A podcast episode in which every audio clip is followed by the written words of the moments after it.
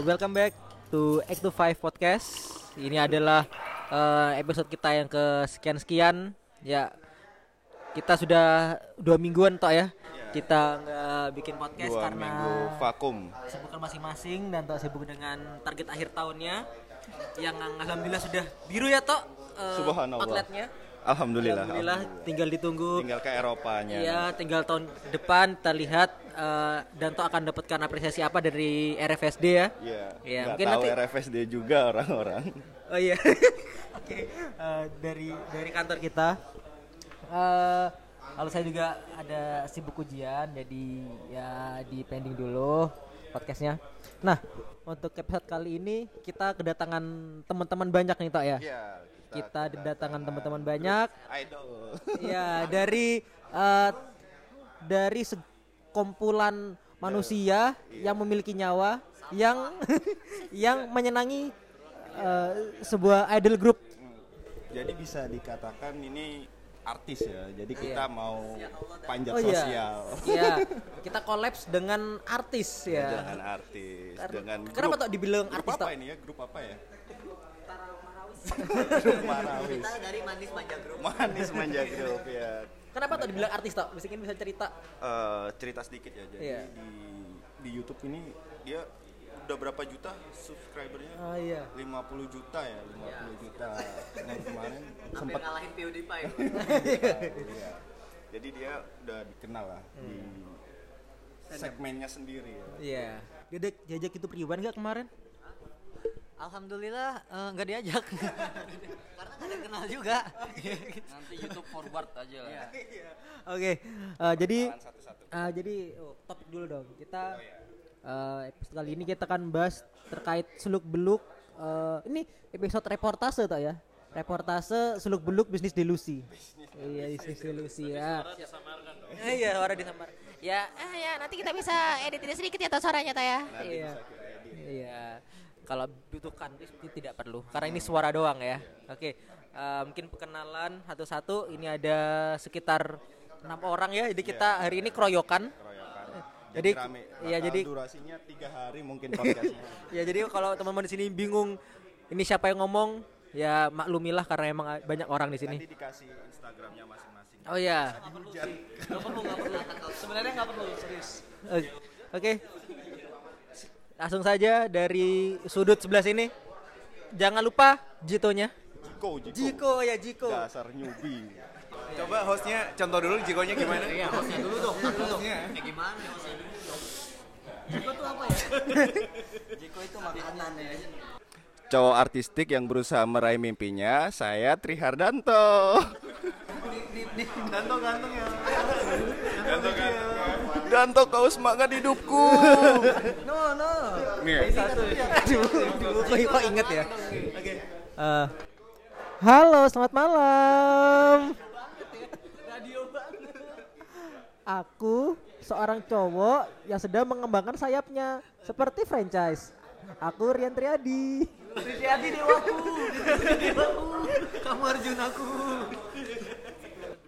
Seperti senyuman yang selalu terekam dalam ingatanmu. Aku Reski. Reski kamu sempurna. Enggak, sungging lu udah dapet kan ya? Kekar dan penyuka senja.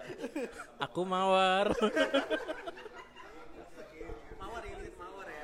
Eh ini pakai nama samaran ya? Gua gue. Seperti malaikat yang ceria dan bersinar selalu. Aku alam. Gabungan kan? Aku alam. Iya.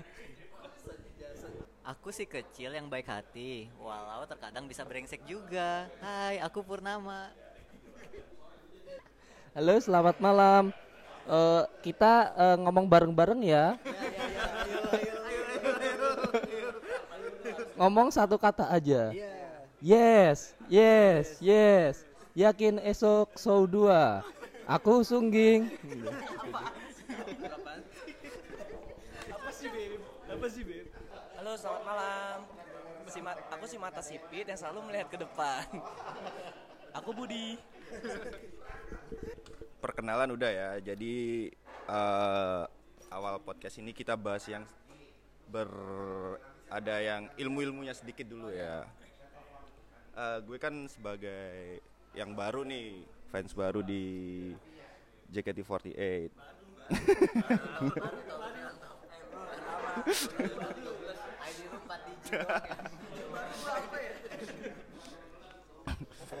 memulai lagi. Ini teman-teman nih ada yang bisa jelasin nggak? Mungkin kan ini ada eh, teman-teman yang dengerin masih belum tahu apa sih JKT48 itu apa gimana sejarahnya. Mungkin Pak Alam ini yang paling mengetahui. Pak Alam bisa dijelaskan sejarahnya J- JKT48 itu gimana? Kenapa JKT kenapa 48 Waduh, pertanyaannya kalau kenapa 48? Jadi sebenarnya gini, awalnya JKT48 itu kan sebenarnya idol group yang ada di Jepang ya namanya AKB48. Nah, AKB itu kan waktu itu udah ada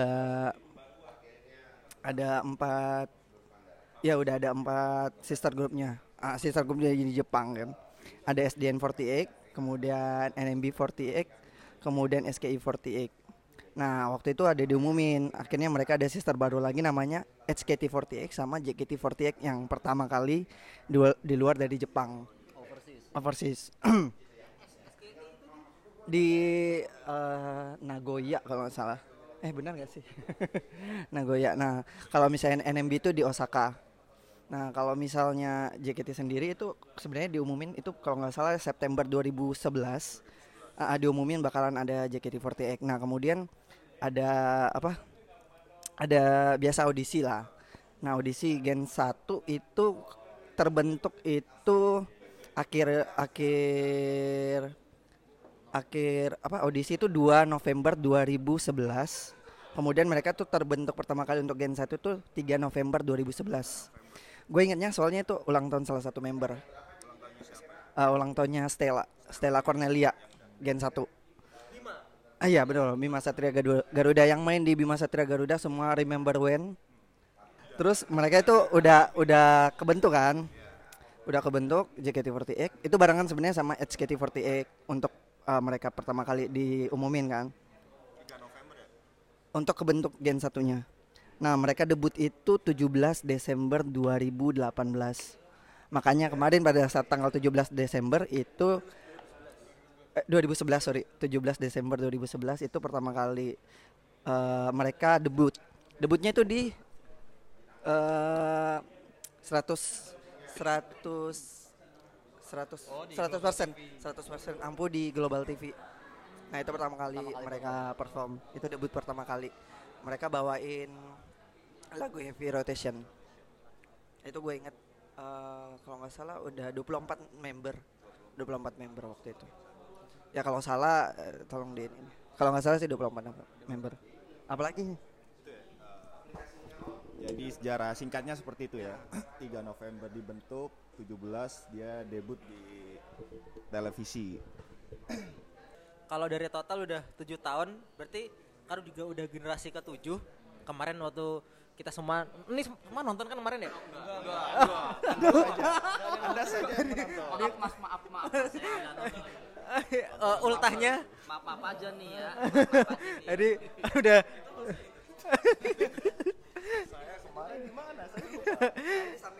Iya, jadi kita kemarin nonton ultahnya juga itu udah generasi 7 dan di panggung itu udah kayak satu RW ya, itu kemarin banyak banget. Udah kayak kemarin tuh udah 50-an lebih ya dari yang yang masih di JKT sampai akademinya itu. Jadi ada tiga tim dan dua akademi. Tiga ak- akademi AB sama tim JKT. Ya cukup untuk edukasinya ya sekarang. Karena kita bukan channel edukasi. Kenapa? ini ini ini yang perlu kalian tahu Nih yang perlu eh, teman-teman yang tahu yang belum tahu JKT. Jadi JKT itu beda sama girl band, bukan girl band. Nah, tapi idol group. Ah, beda inform jadi beda. Kalau untuk girl band kan ya mereka eh, mereka sudah latihan panjang dan mereka tinggal debut kan. Nah, kalau JKT itu tuh emang dari awal mereka tuh nggak bisa ngapa-ngapain. Maksudnya cuman ada yang bisa cuman dance doang bisa nyanyi doang. Nah kalau misalnya di JKT itu mereka tuh dilatih buat menjadi idol yang baik seperti apa? Ditempa nah itu bedanya. Nah be- bedanya. Jadi jangan be- bilang lagi untuk JKT itu ada girl band tapi idol group. Yang kita bisa ketemu di teater terus event-eventnya mereka gitu. Mereka apa? Idol you can meet ya. Ada you can meet. Udah berubah apa?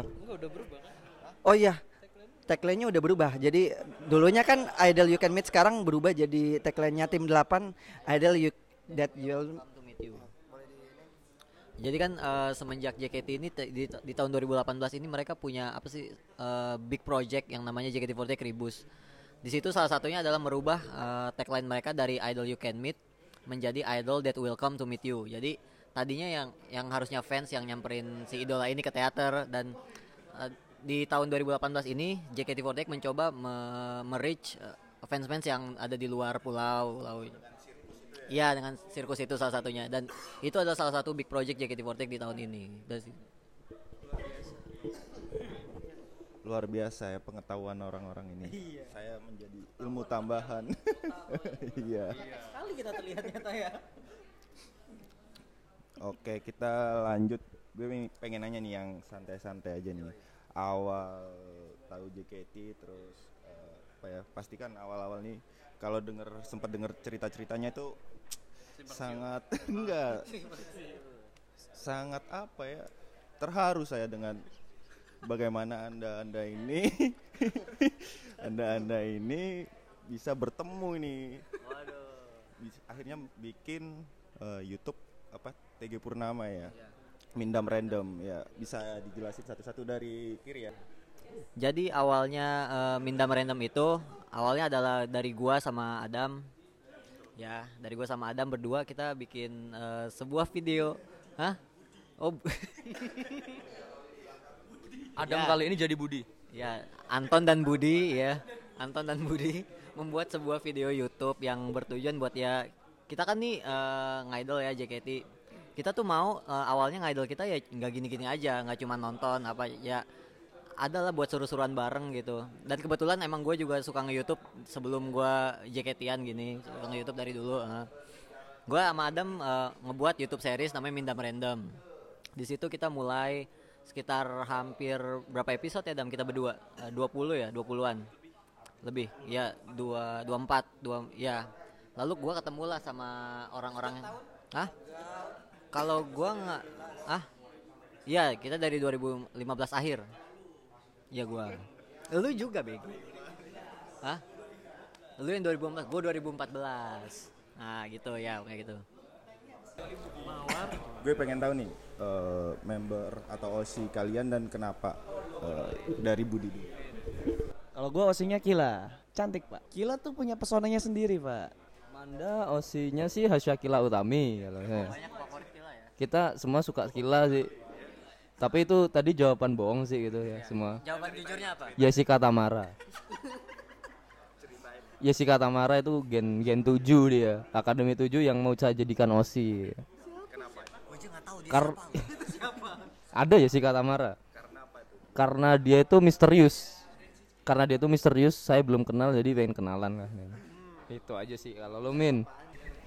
Kalau gua ya, ya alasan gua datang pertama kali ya tertarik buat ngidol gitu. Gua waktu itu ngelihat eh, seorang anak kecil di TV namanya Adis Tizara karena dia apa ya dia itu sosok anak kecil yang eh, udah bertalenta banget acting bisa dia udah main tiga film sekarang Eh, terus nah Banyak ya? Oh, adiknya Dilan ya? adiknya Dilan ya bener bisa. dia main Dilan Dilan 1990 1991 nanti yang lagi diproduksi sekarang sama keluarga Cemara nanti 3 Januari 2019 tuh. Gue bantuin promoin Zara.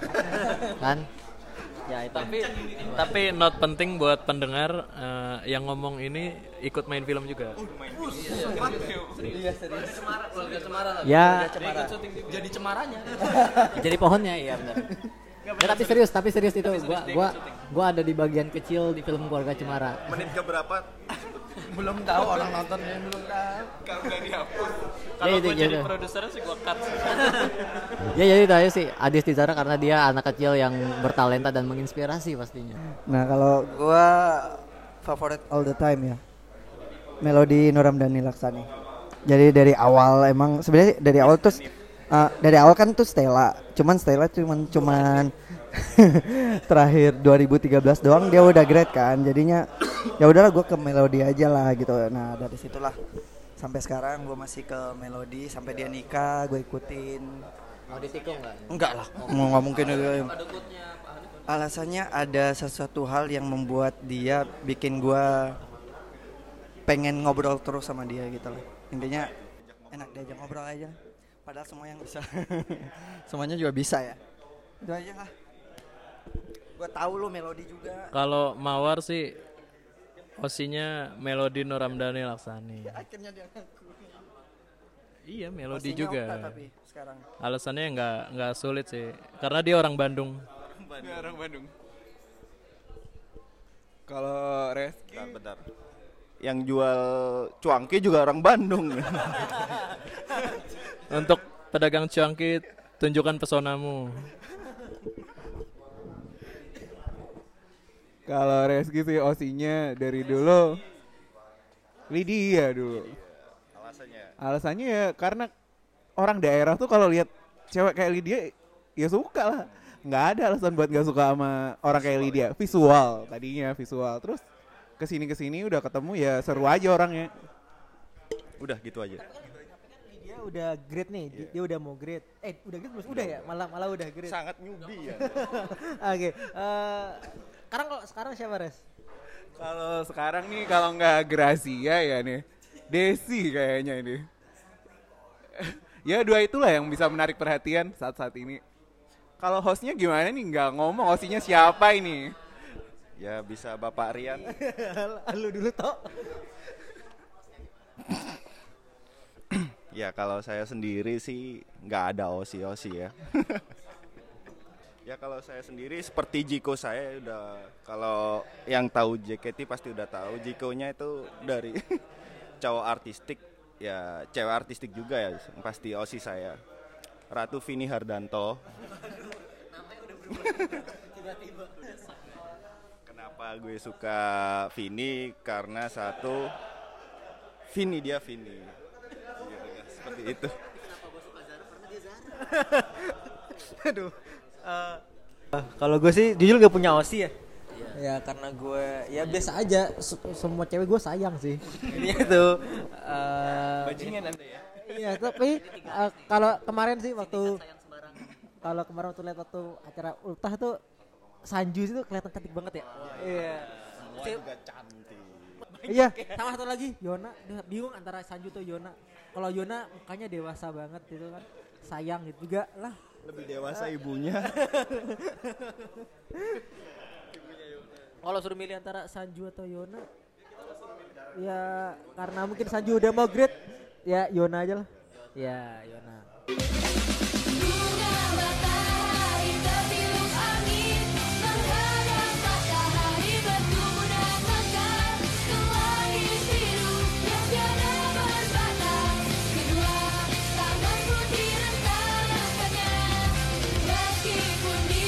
Jadi eh, bisa dijelasin nggak nih yang udah senior senior nih, Wota itu apa dan eh, apa sih eh, pentingnya Wota bagi JKT48?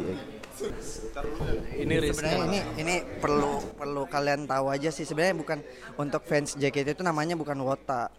Ya fans JKT jadi kalau Wota itu ada istilah yang di Wota itu ada istilah yang dipakai eh, orang-orang Jepang kalau dia mengidolakan ya salah satunya idol idol group gitu. Bukan jadi ada jadi Eh, woman otaku. Jadi kayak ya ya ya dia dia mengidolakan mengidolakan idol group gitu. Nah itu istilah yang di Jepang sana tapi kalau misalnya di JKT ya fans JKT gitu. Stay, eh, jangan ngomong wota-wota lagi. Ya emang nggak boleh nggak boleh kamu nggak boleh Sebuah ilmu baru ya bagi kita semua. Nah ini jelasin dong. Kalau gue kan taunya nih JKT ini eh, tumbuh bersama fans ya. Apa arti fans? apa sih arti fans dan eh, seberapa signifikan eh, dampaknya bagi JKT? Oh, sangat. Sangat. Kalau menurut Mawar sih sangat. Heeh. Karena i- mereka kan industri ya kan? Yang mengharapkan suatu keuntungan yang besar dari fans-fansnya gitu. Kita nggak pungkirin lah mereka nyari keuntungan itu di situ. Eh, ya apa ya? Ya fans ya sangat penting sangat penting banget. Kalau kalau buat di industri entertainment kayak gini fans sangat penting. Karena ya sumber pemasukannya dari mereka. Selain dari sponsor-sponsor yang masuk iklan yang lain semua tetap aja kayak supporter bola aja kan ibaratnya mereka sumber pemasukan dari klub ya itu aja sih kalau buat gue Tentang fans ya, fans itu untuk JKT itu apa? Oh, menurut gue fans di buat fandom ini ya istilahnya kayak apa ya? Fandom ini gue gue sih, gue sih, eh, metaforanya ini tuh kayak tubuh manusia gitu ya. Terus fans itu ya kayaknya darahnya. Nah, kalau darahnya kotor ya orangnya penyakitan gitu kan. Nah, itu yang itu yang apa? Aduh, gue mau ngomong cuman nggak enak gitu. Oh, bisa diedit ya? Wah, edit tuh bisa mengata-ngata berkata-kata bebas. Tapi tapi fans fans fans bener seperti kayak yang diomongin teman-teman yang tadi tuh ya ya emang penting banget di industri entertain ini dia tuh support apa eh, produknya tuh emang buat fansnya dan menurut gue sih gua kalau yang sekarang ya gue nyorotin sekarang aja deh. Sekarang aja gitu. Tujuan fans ke sini itu udah berubah gitu. udah berubah udah lupa tujuan awalnya gitu. Dia tuh kayak orang-orang yang nggak paham bisnis ini tuh gimana gitu. Kadang eh, sebenarnya kalau menurut pendapat gue ya fandom ini tuh kayak jualan sebenarnya jualan konsep sih bukan jualan lagu sebenarnya. Oke lagu itu menurut gue tuh cuman kayak sebagai perantara cuman yang dijual ini ada- yang beda yang bikin beda itu konsep. Ketika fans-fans ini dari awal terus datang fans yang enggak yang tujuannya udah beda terus ngerusak konsepnya ini ya langsung ya fandom ini penyakitan kayak sekarang gitu. Pernah contoh nggak? Sekarang itu sekarang itu ya.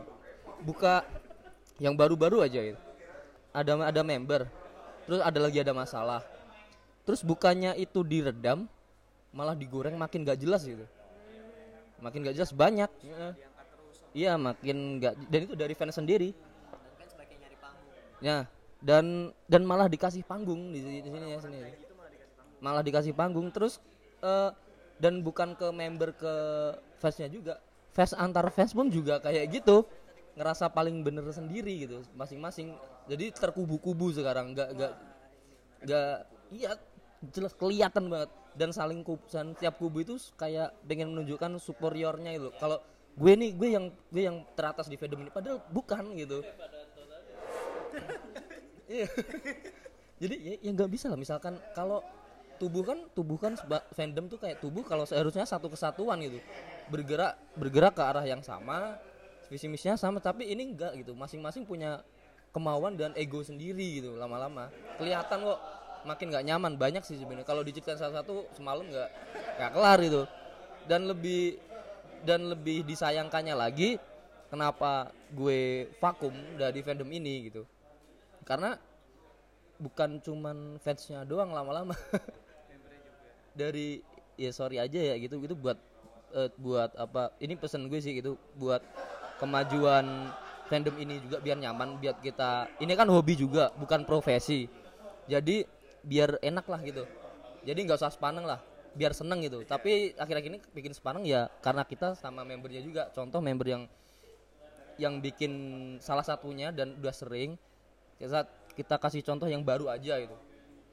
Ketika lo sadar kewajiban lo fans ini tuh ya kayak ibaratnya di- betapa pentingnya fans buat ini ya kayak ya kayak nafas buat fandom ini. Terus lo eh, tanpa sadar ngelakuin hal yang yang mungkin bagi lo ini nggak berarti tapi mungkin bagi dia tuh bagi fans-fans tuh ini tuh segalanya gitu. Melakukan hal ceroboh yang yang sebenarnya dia sendiri tahu itu tuh kewajibannya dia untuk dijalankan cuman nggak dijalankan dengan baik. Akhirnya banyak fans yang sakit hati gitu. Nah kenapa? Akhirnya rame ribut lagi. Isinya fandom itu akhir-akhir ini sebenarnya ada yang positifnya juga. Cuman kenapa yang di up itu dari dulu yang sering digoreng yang di apa-apain itu yang hal-hal yang kayak yang ribut-ributnya itu dan dan yang nge-up itu yang orang-orang yang sebenarnya gue pandang itu fans yang punya pengaruh gitu loh. Sangat disayangkan banget. Ma- maksudnya ya ya itulah. Kita kita kan sadar betapa pentingnya fans bagi kita bagi fandom ini. Jadi eh, baik fans ataupun member ya saling jaga sikap saling tahu kewajiban lah menurut gue gue mau ngomong bahasa gue sendiri nggak enak sih di sini cuman ya itu itu bahasa paling halus dari gue sih itu aja Eh, ya gue paham. Eh, ini tadi gue yang nangkep dari Bapak Manda tadi. Sebenarnya fans berpengaruh, tapi fans juga karena berpengaruh itu dia juga yang bisa ngancurin eh, Sisi mata. eh, eh, idol group ini dan baru-baru lagi membernya jadi ikut-ikut juga ya. Eh, eh, yang menarik tadi gue yang ada kubu-kubu tadi dan ada apa ya ingin eh, masing-masing ingin terlihat superior. Kalau ini kan opini opini aja ya, opini. Apa sih yang bikin mereka kayak gitu? Gitu kan. Sebenarnya kan kalau gue ya kalau gue ngefans sama band atau apa segala macam ya ya nggak ada superior superioran kan. Ya, ya lu seneng gue juga seneng kita, Kita nyanyi bareng Ah, gitu nyanyi kan. bareng singelong enak lah. Nah ini kenapa kok di fandom ini kok bisa ada itulah istilahnya pengen ada tingkatan kasta-kastanya opini aja nih opini dari siapa yang mau jawab Mungkin Adam Kalau gue mikir sih karena pride pak, pride karena pride pride anak-anak Jakarta tuh tinggi. Nah ini mereka mereka ini kan wanita-wanita cantik gitu, ya kan, bener dong. Nah kebanyakan fans JKT ini kan cowok semua. Nah mereka pengen dilihat tuh, gue gue dilihat sama member cantik loh gitu. Jadi main-main mulai. Jadi di sini tuh sekarang nunjukinnya seberapa bisa lu narik perhatian member bukan seberapa banyak lu eh seberapa banyak pengaruh lu buat member ini gitu. Gitu ya kan sih? Ya kan bener kan? Lu mau namain nggak? Banyak kata-katanya yang yang bikin ini ya kubu-kubu gitu ya. Kubu-kubu itu sebenarnya yang nggak masalah aja kalau masih dalam masih dalam satu visi misi kayak buat project atau apa sih mah bagus itu. Cuman sekarang tuh ngarahnya bukan ke situ. Ngarahnya ke hal yang sebenarnya kalau ya ya sorry banget nih kalau gue ngomong ya sampah banget tuh. Lu lu lu lu di sini gini loh. Kalau gue lihat ya gue, gue lihat ya eh, yang ribut-ribut akhir-akhir ini kenapa gue cabut dari fandom ini tuh ya ya hal yang ini hal hal yang sepele hal yang sangat eh, mendasar banget yaitu ketertarikan laki-laki dengan perempuan gitu. Gini loh member di sana itu bukan buat di lo lo suka nggak masalah gitu. Tapi ini bukan dipacarin gitu kan ini buat ditonton bareng-bareng gitu kan. Nah jangan lupa makanya jangan lupa tujuan awal kalian masuk fandom ini. Ini tuh buat hobi hiburan bukan profesi atau ambisi ini gitu kan. Kan kenapa gue nggak nggak ngomong profesi kenapa? Banyak yang sepaneng banyak yang sepaneng banyak yang banyak yang kayak seakan-akan no life. 24 jam dia tuh ngurusin fandom ini. Emang dia dibayar atau apa gue nggak ngerti. Itu yang bikin eh, pandangan orang awam ke fandom ini tuh jelek. Itu satu. Itu kenapa hobi ini gue bilang nggak boleh jadi profesi. Kedua ambisi. Ambisi dia ngedapetin si member. Kan kan ya ya sampah gitu kan. Gini loh kalau lo mau dapetin cewek pasangan hidup lawan jenis tuh di luar banyak yang worth it. Kenapa dari ribuan fans ratusan bahkan di fanpage itu udah terdaftar satu juta fans itu ngerebutin satu wanita di fandom ini kan ya perbandingannya emang lo matematika agak lulus apa? Ya kan susah pak gitu kan Seap- meskipun lo bisa sedekat-dekat apa pun sama membernya lo pasti ya buang-buang duit buang waktu tenaga nggak dikit dan paling lo cuma dapat ya perhatian yang ya gue nggak tahu sih. Cuman yang nggak nggak worth it gitu loh. Lo harus tahu best value lo itu di mana di sini. Makanya eh ke, ke apa superior superior itu dia, dia diawali dari orang-orang yang punya power misalkan kayak eh, ya kayak eh, rezeki berlebih. Ya mungkin tapi ya tapi bukan duit sendiri kan. Ya itu ke akhirnya mereka berlomba-lomba untuk mendap untuk mendapat perhatian bahkan bercita-cita untuk berpacaran dengan membernya itu. Kan buang-buang waktu gitu. Jadinya ini tuh bukan lomba bukan bukan fandom untuk menikmati hiburan panggung pertunjukan tapi lomba-lomba mendapatkan perhatian kan. Ini ini kenapa sih gitu? Maksudnya kenapa gitu loh? Maksudnya dan itu nggak nggak dan itu itu nggak nggak dikit itu ada banyak gitu. Dan saling dan lama-lama kayak dan lama-lama fans tuh akhirnya kan jebol juga pertahanan member kan. Ada yang ada yang dikasih per, ya namanya cewek logikanya gini. Ada ada lo cewek cantik terkenal gitu. Kok pasti ada yang deketin kan? Ada yang ngasih barang-barang mahal ada yang ngasih perhatian lebih antar jemput mungkin kos lo dibayarin mungkin tagihan listrik tagihan pulsa bayarin nonton di Lotte Avenue juga bisa di mana? Kalau beliin kaos-kaos high bis gitu lah kan sebagai sebagai member kan dia cewek otomatis yang ngasih perhatian kan. Ngasih perhatian wajar. Tuh sama fansnya sendiri di, dibuat ajang untuk pamer gitu. Dan dan dia nya kan udah tahu kalau mereka itu nggak boleh bersentuhan dengan lawan jenis kalau belum masih berstatus sebagai member. Nah pada pada ajang share kayak gitu share seriaan kayak gitu. Akhirnya fandom ini kacau lah. Karena fans yang enggak ada di gambar tersebut yang enggak ter apa ya yang enggak bisa mendekati atau mencapai level tersebut akhirnya iri terus saling bentrok akhirnya jadi mereka tuh lupa di sini dengerin lagu aja dengerin perform gitu. Kalau misalkan jangan diambil hati banget gitu. Kalau mau cari cewek yang lebih di luar banyak. Kalau nggak tahu caranya di main aja sama kita bareng. Ada tiap Jumat ya kalau kita. Ya ya, itu sih. Menurut gue sih gue gue nggak nggak gue masih bakalan vakum. Masih bakalan masa bodoh sama fandom ini kalau yang masih dikasih panggung masih yang masih yang apa ya masih yang di up masih yang antusiasnya fans itu masih ke arah yang yang riak kayak gitu riak yang enggak riak yang sebenarnya itu nggak perlu diriakkan nih sebenarnya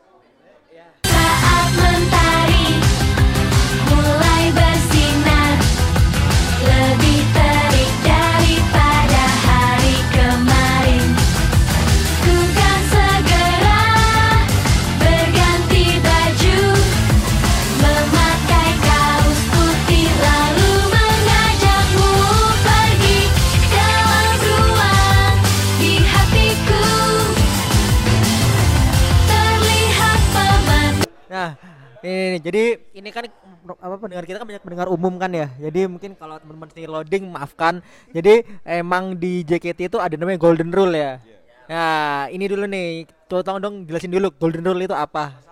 Nah, karena kan ini umum banyak yang nggak tahu nih golden rule-nya kita udah ngomong ke mana-mana tapi ya dasarnya pada nggak tahu kan. Soalnya ada peraturan loh di dalam eh, idol group itu ada golden rule kayak gitu. Ya, golden rule itu kayak apa ya? Kayak ibaratnya satu perusahaan itu ada aturannya, ada budayanya, budayanya asik. Jadi ada peraturan, ada peraturan yang harus diikutin sama member dan kalau misalnya itu dilanggar ya itu akan menjadi akan dikenakan sanksi. Ah, ada sanksi sedang, ringan dan berat. kayak gitulah. Jadi kayak misalnya member ya contoh kecil ya kalau misalnya golden rule di JKT itu kan nggak boleh pacaran karena mereka biar lebih fokus sama uh, karir mereka untuk idolnya mereka gitu. Tapi uh, ya gitu. Apa ya susah sih. Eh, mungkin ada yang mau jelasin ya? Golden rule. Ah katanya sih nggak ada ya? Katanya nggak ada secara tertulis sih sebenarnya. Katanya. kalau kita nggak kalau apa yang tertulis di kontrak mereka sih cuman kalau dari AKB48 mu- udah ada dari dulu. Maksudnya golden rules itu golden rules. Udah ada cuman kayak ibaratnya kayak kalau perusahaan kan dia kalau misalnya pada saat orang mau ngelamar nih mau ngelamar perusahaan misalnya itu kan akan tertulis untuk golden rulesnya seperti apa peraturan apa yang ada di perusahaan itu. Nah sama halnya di JKT kalau misalnya kita kan di perjanjian kerjasama kita sama perusahaan kan tertuang di situ apa sih yang harus di eh, dipatuhi nah kemudian akan disampaikan sama bagian HRD-nya misalnya kayak gitu atau bagian eh, SDM-nya akan menjelaskan apa sih peraturan-peraturan. Nah itu nggak bisa tertuang secara jelas. Cuman secara jelasnya orang-orang taunya mereka nggak boleh pacaran. Eh tambahin. Kalau kalau Mawar bilang sih ya, Ade. Ya. Itu cara jualannya mereka ya itu. Buat fans. Jadi fans yang ibaratnya baper kan bilang pasti dia nggak nggak mungkin dong dia melanggar peraturan gitu. golden rule sendiri sih kalau misalkan gue jadi eh gue ngelihatnya gini ya eh logika aja sih gitu mau kenapa kita nggak jor-joran kayak misalkan ada artis kayak eh, misalkan Raisa gitu ya karena dia punya Hamis Daud nanti kalau lo Golden Raisa lo di Smackdown sama dia kan ya nggak mungkin. Jadi mm-mm. ya kita nggak tahu. Nah jadi Golden Rose ini kayak semat, sema- Golden Rose ada atau enggak sebenarnya anggap aja ada gitu. Jadi gini loh lo- eh, logikanya ketika kita ngeluarin duit puluhan juta buat pacar orang tuh nggak mungkin cuy. Jadi makanya buat member sendiri kalau misalkan mau pacaran karena it- karena itu sebenarnya terus atau enggak kita anggap aja lah kita kita percaya kok kalau kalian itu ya udah kita anggap aja percaya kalian default aja kalian tuh nggak pacaran. Cuman lu jangan bodoh lo ketika kita udah nganggep bahwa lu nggak pacaran lu malah pacaran sembunyi-sembunyi dan ketahuan itu kan karena ketika apa ya ketika lu se mau ranking satu tiga tahun berturut-turut so senkyo atau lo jogetnya ambil kayang di panggung tiap hari cuk kalau lo udah ketahuan punya pacar atau deket sama orang kita juga males mau dukung lo gitu. Jadi intinya sih saling tahu aja sih gitu. Golden Rules itu sebenarnya kita anggap aja sebagai motivasi buat kita untuk tetap mau jor-joran di sini kalau kalau lo mau tahu sebenarnya. Ini kayak pancingan aja. Jadi buat manajemen member itu jangan bodoh untuk jangan gegabah untuk bersikap. Kalau gue sih pesan gue sih itu aja. Karena ini ini karena ini sebenarnya stimulus paling ampuh buat kalian untuk menggait menggait fans lebih banyak lagi dan lebih duit banyak duit lagi karena gini teman-teman awam gue teman-teman awam gue di luar fandom ini tuh ketika dengar fandom ini tuh pertanyaan satu pasti dan itu pasti mereka tuh katanya nggak boleh pacaran ya?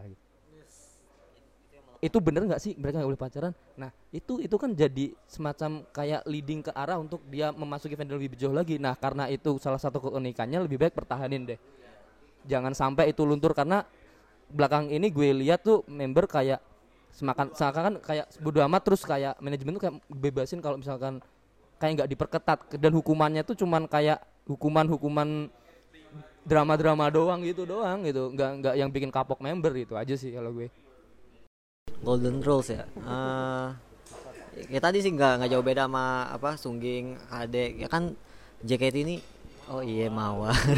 Bodoh lah. Apa tadi lu namanya Manda, astaga. Ya nggak jauh beda sih sama Manda dan Mawar. Kan JKT ini dari dulu ya jual jualan delusi gitu. Jadi fans ini eh, apa ya? Ibaratnya kita tuh punya pacar gitu di sini. Ya, kita seakan-akan kita punya pacar. Kita dibuat seakan-akan kita punya pacar ngasih dia ngasih dia perhatian. Iya, maksudnya jangan dianggap serius juga. Iya, maksudnya kayak gitu. Jadi kan mereka tuh jualan itu dari dulu. Soal ada atau enggak ya kita masih belum tahu gitu kan di kontrak mereka tertulis apa. Tapi anggap aja ada, percaya aja ada karena di di EKB pun begitu karena di EKB eh, di EKB pun eh, sanksinya keras gitu kalau melanggar golden rules karena waktu itu pernah ada yang keluar dan katanya dibotakin rambut gitu juga karena sanksi-sanksinya keras di EKB. dia kayak menyesal gitu Iya menyesal dan penyesalan dia ya salah satunya itu botakin rambut. Nah, ya itu di EKB dan dan, dan, dan di JKT tadi gue setuju ini masih kayak apa ya? Sanksinya itu masih kurang ya kurang greget ya cuman ya cuman turun diturunin doang ya udah ntar juga naik lagi gitu kan. Iya kurang menimbulkan efek jerak dan ya karena itu iya astagfirullahalazim. Astagfirullah. Keras juga ya. Iya di apa di apa sih namanya diarak diarak ya, diarak gitu. Lu kira ini kampung keluarin ada yang dikeluarin.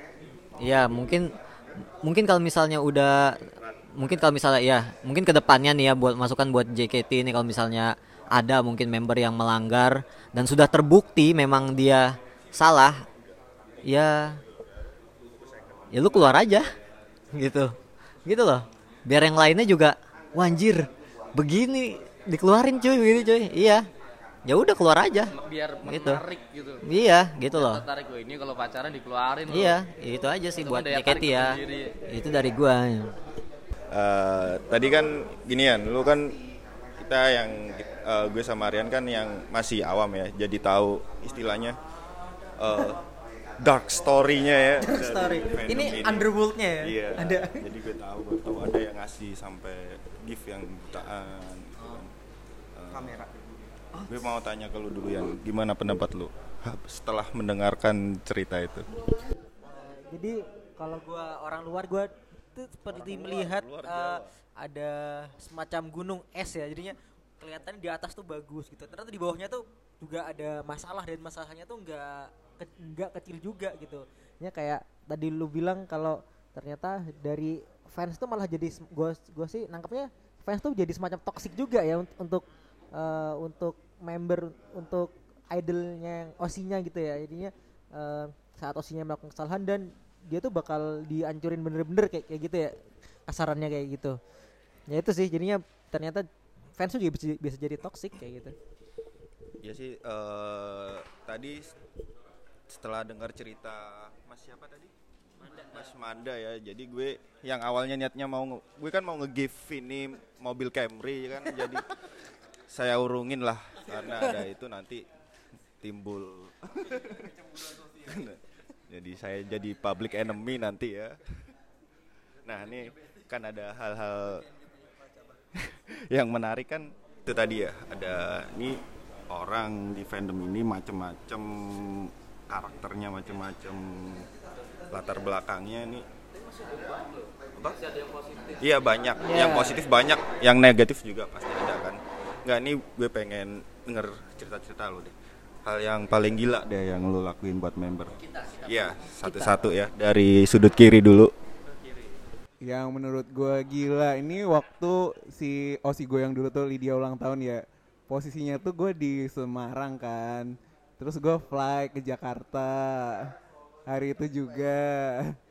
Terus nonton langsung dari bandara naik kereta bandara ke FX.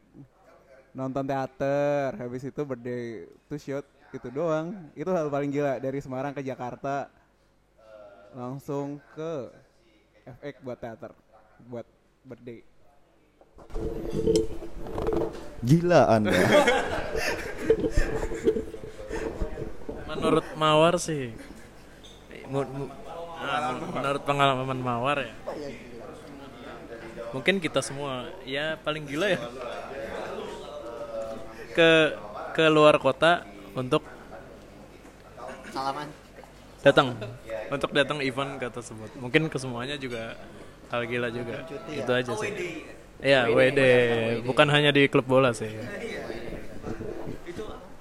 Aduh, apa ya? Sebenarnya banyak ya. Cuman cuman menurut gua yang menurut gua bukan gila sih. Apa ya? Jadi gua nekat lah. Jadi nekat pas lagi hujan turun, gua tetap lanjut. Itu enggak enggak enggak, biasa aja. ya. apa ya? Hmm. Jadi gua waktu itu ini menurut gini gua gila nih. Menurut gua gila nih. Jadi jadi sebelum osi gua grade itu kan tinggal tiga bulan dan gue pengen ngasih ini ya pengen MVP ya ke dia ya jadi setiap minggu sabtu minggu empat show sabtu minggu empat show gue nonton. Entah nonton entah ngapain. Intinya intinya gue apply sabtu minggu beli tiket tukar tiketnya selama selama tiga bulan itu sabtu minggu. Entah n- mau nggak nonton atau cuman sekedar tiket doang tukar doang ya itu. Dan kesampaian MVP kalau nggak salah info dari teman-teman gue MVP terakhir ke dia. Iya. Kalau kata temen ya, yang yang yang gila sih sebenarnya masuk fandom ini aja udah gila sih bener. enggak enggak sih enggak sih enggak sih. Enggak sih. Ya banyak melakukan hal-hal yang di luar nalar sih gue. Cuman salah enggak kalau gue sih gue, gue gini ya gue nganggap gue ini gue hobi. Jadi nggak gue anggap ini itu hal yang gila atau di luar nalar gue udah seneng aja gitu. Cuman yang bikin gue nggak habis pikir bayangin dalam satu tahun kurang gue bisa 100 kali kehadiran lebih gitu loh. dan gue kalau ke kantor mau ke tempat teater itu tuh macetnya ampun-ampunan kalau sore. Izinnya ya macam-macam gue tuh punya 100 lebih alasan izin gitu untuk pulang cepet waktu itu juga. Ada yang urusan keluarga temen gue wisuda sampai gue kelupaan temen teman saya wisuda temenmu banyak sekali yang wisuda ya gitu ya itu itu itu kalau dipikir-pikir sih gak masuk akal gitu 100 kali di, di tengah kesibukan ibu kota terus gue bisa ya mungkin ada sih fans yang lebih gila daripada gue ada yang 200 tahun juga ada Nikah ya mas. Sudah nikah. Kalau gue apa ya? Aduh, gue nggak pernah melakukan hal gila sih sebenarnya. Bohong sama teman-teman. Eh, ini nih ya, nih jujur nih ya, nih jujur-jujuran ya. Gue nggak pernah cerita ini di Mindam Random. Jadi saya punya osi ya, entah yang sekarang, yang dulu atau yang mana ya. Jadi waktu itu adalah deket-deket hari ulang tahun dia, ya. Eh, di minggu eh, di di minggu itu tuh ada beberapa berapa show ya? Empat empat show tim yang ada dianya, ada empat show ada tim dianya. Dan kebetulan di weekend itu ulang tahun dia tuh, di perayaan ulang tahun dia. Dari show satu se- show per- apa? Dari empat show itu empat show di satu minggu itu. Gua ngasih gift terus. Eh, hal gila ya. Kenapa ini eh, buat yang belum tahu ya kenapa tadi ada yang nonton teater sampai 100 kali dibilang gila? Soalnya harganya satu kali show 120.000 ribu. Nah sekarang kali 100 aja. Nah 12 juta. Wow. nah, itu kan gila nggak dan HS itu ya HS 35.000 ya 5.000 satu tiket dan itu 10 detik Nah, 10 detik dan itu banyak orang yang ngeluarin sampai juta-jutaan ya, juta-jutaan. Nanti ada yang mau uang cutinya mau dipakai. Ada yang sampai di sini uang uang JP. JP ya, bonus perusahaannya dipakai sebagian untuk Oh, Anda membeli. Bukan. Anda ya. Anda ya. Kalau saya sih ya itu HS buat apa ya? Uang saku doang sih yang gue sisihin udah dapat satu sesi. Tunjangan pulsa ya. Oh iya ya. Tunjangan pulsa. Iya juga ya. Ini pengen. ya intinya itu eh, kalau gue sih ngelihatnya ya karena emang hobi ya hobi macam-macam orang bisa ngeluarin hobi buat beli mainan sampai ratusan juta jadi kadar waras sama gilanya tergantung persepsi masing-masing ya selama lu nggak kriminal atau mau ngerugiin orang lain sih bebas-bebas aja Ah. 378 Itu lagu Eh? Cukup ya? Cukup. Panjang ini, banget. ini, ini, enggak terakhir terakhir untuk penutupan ya. Eh, iya, pesan pesan dan harapan buat fandom ini ya. Hmm, fandom dan idol grupnya lah. Satu-satu. Ya buat fandomnya ya supportnya yang tulus ya. Maksudnya kalau membernya lagi di atas ya benar-benar disupport. Di bawah pun juga harus dia tetap disupport gitu aja sih. gue gue dulu pernah bilang ya waktu kita ngumpul itu eh, semua tuh berawal dari niat. Iya maksudnya maksudnya niat ni- niat niat kita ke situ tuh mau apa? Mau hiburan atau mau mau ngacarin membernya. Iya mau mau apa gitu. Terus gue pernah bilang.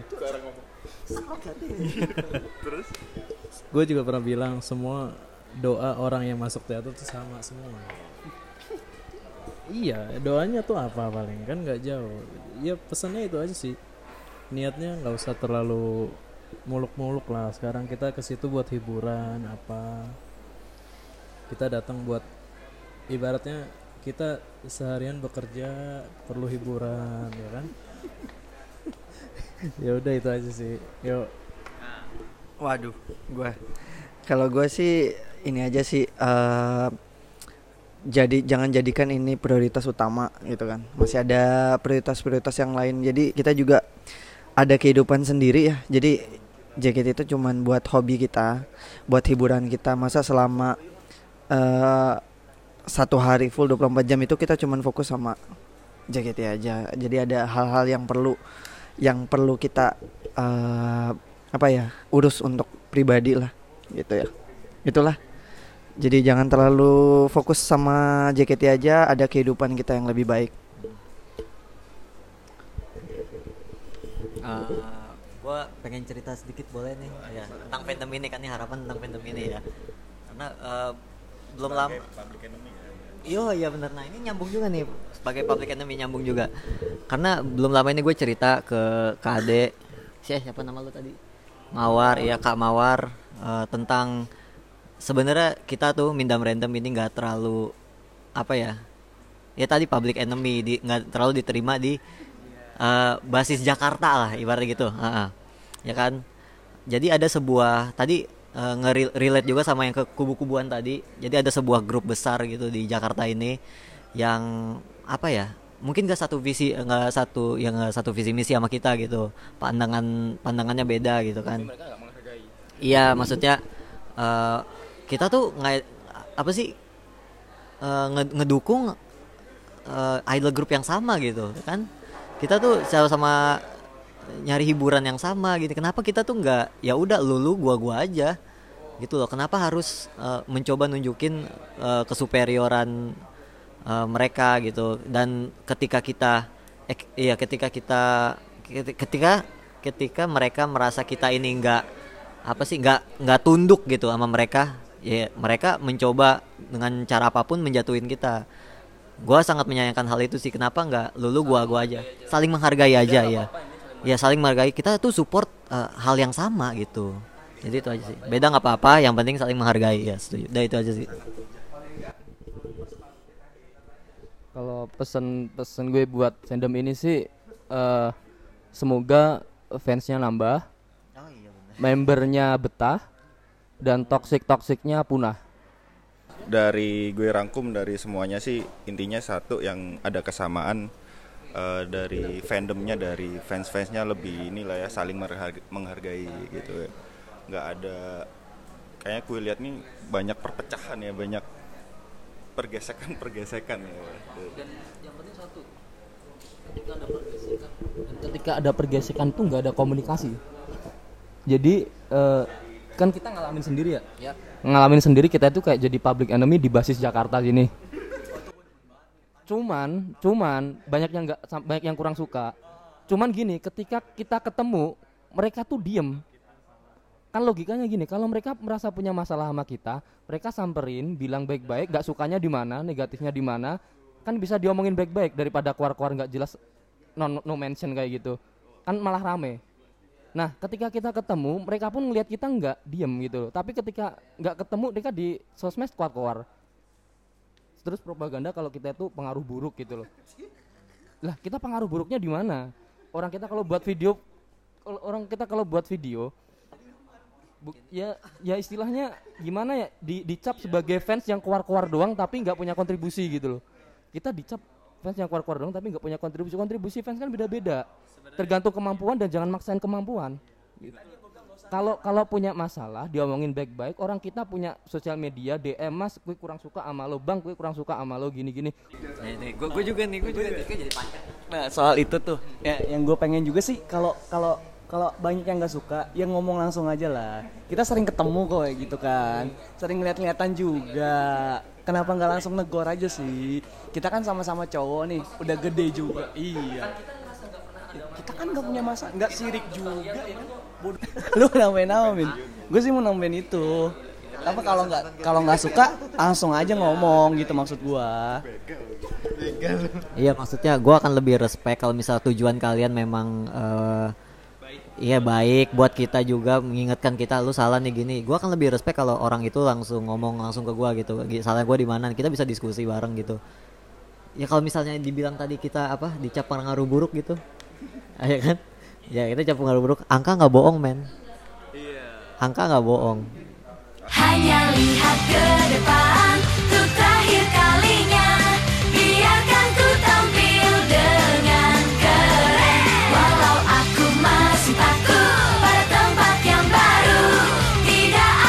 Oh, jadi ini sepertinya eh, sepertinya drama tuh bukan hanya ada di youtuber Indonesia ya. Jadi ternyata eh, drama yang bisa untuk di roasting itu juga ada di dunia fandom JKT48 ya. Iya. Jadi Act 5 sudah eh, jadi melenceng ini dari tujuan awal. Jadi isinya JKT mulu jangan-jangan ke depannya ini. Em, tapi kalau memang menjual tidak apa-apa Iya, iya, iya. Jadi emang eh, jadi ke depannya mungkin dari kubu lain nih ingin klarifikasi, ya bisa ya. saya suka kerusuhan Oke, eh, mungkin cukup itu aja. Kita udah satu jam lebih nih durasinya. Ini mungkin durasi terpanjang nih ya. Oke, Eh, Mungkin ada sesi-sesi berikutnya. Iya. Tadi dari kubu yang lain. Iya, kubu yang lain kita akan fasilitasi. Eh, mungkin itu aja. Yang mau subscribe bisa ke Tigi Purnama. Di sana subscribernya udah puluhan juta ya. Tadi kan sombong likes-nya banyak. Silakan di dislike. Iya, silakan dislike, silakan report spam di YouTube. Oke, itu aja. Eh, Rian pamit.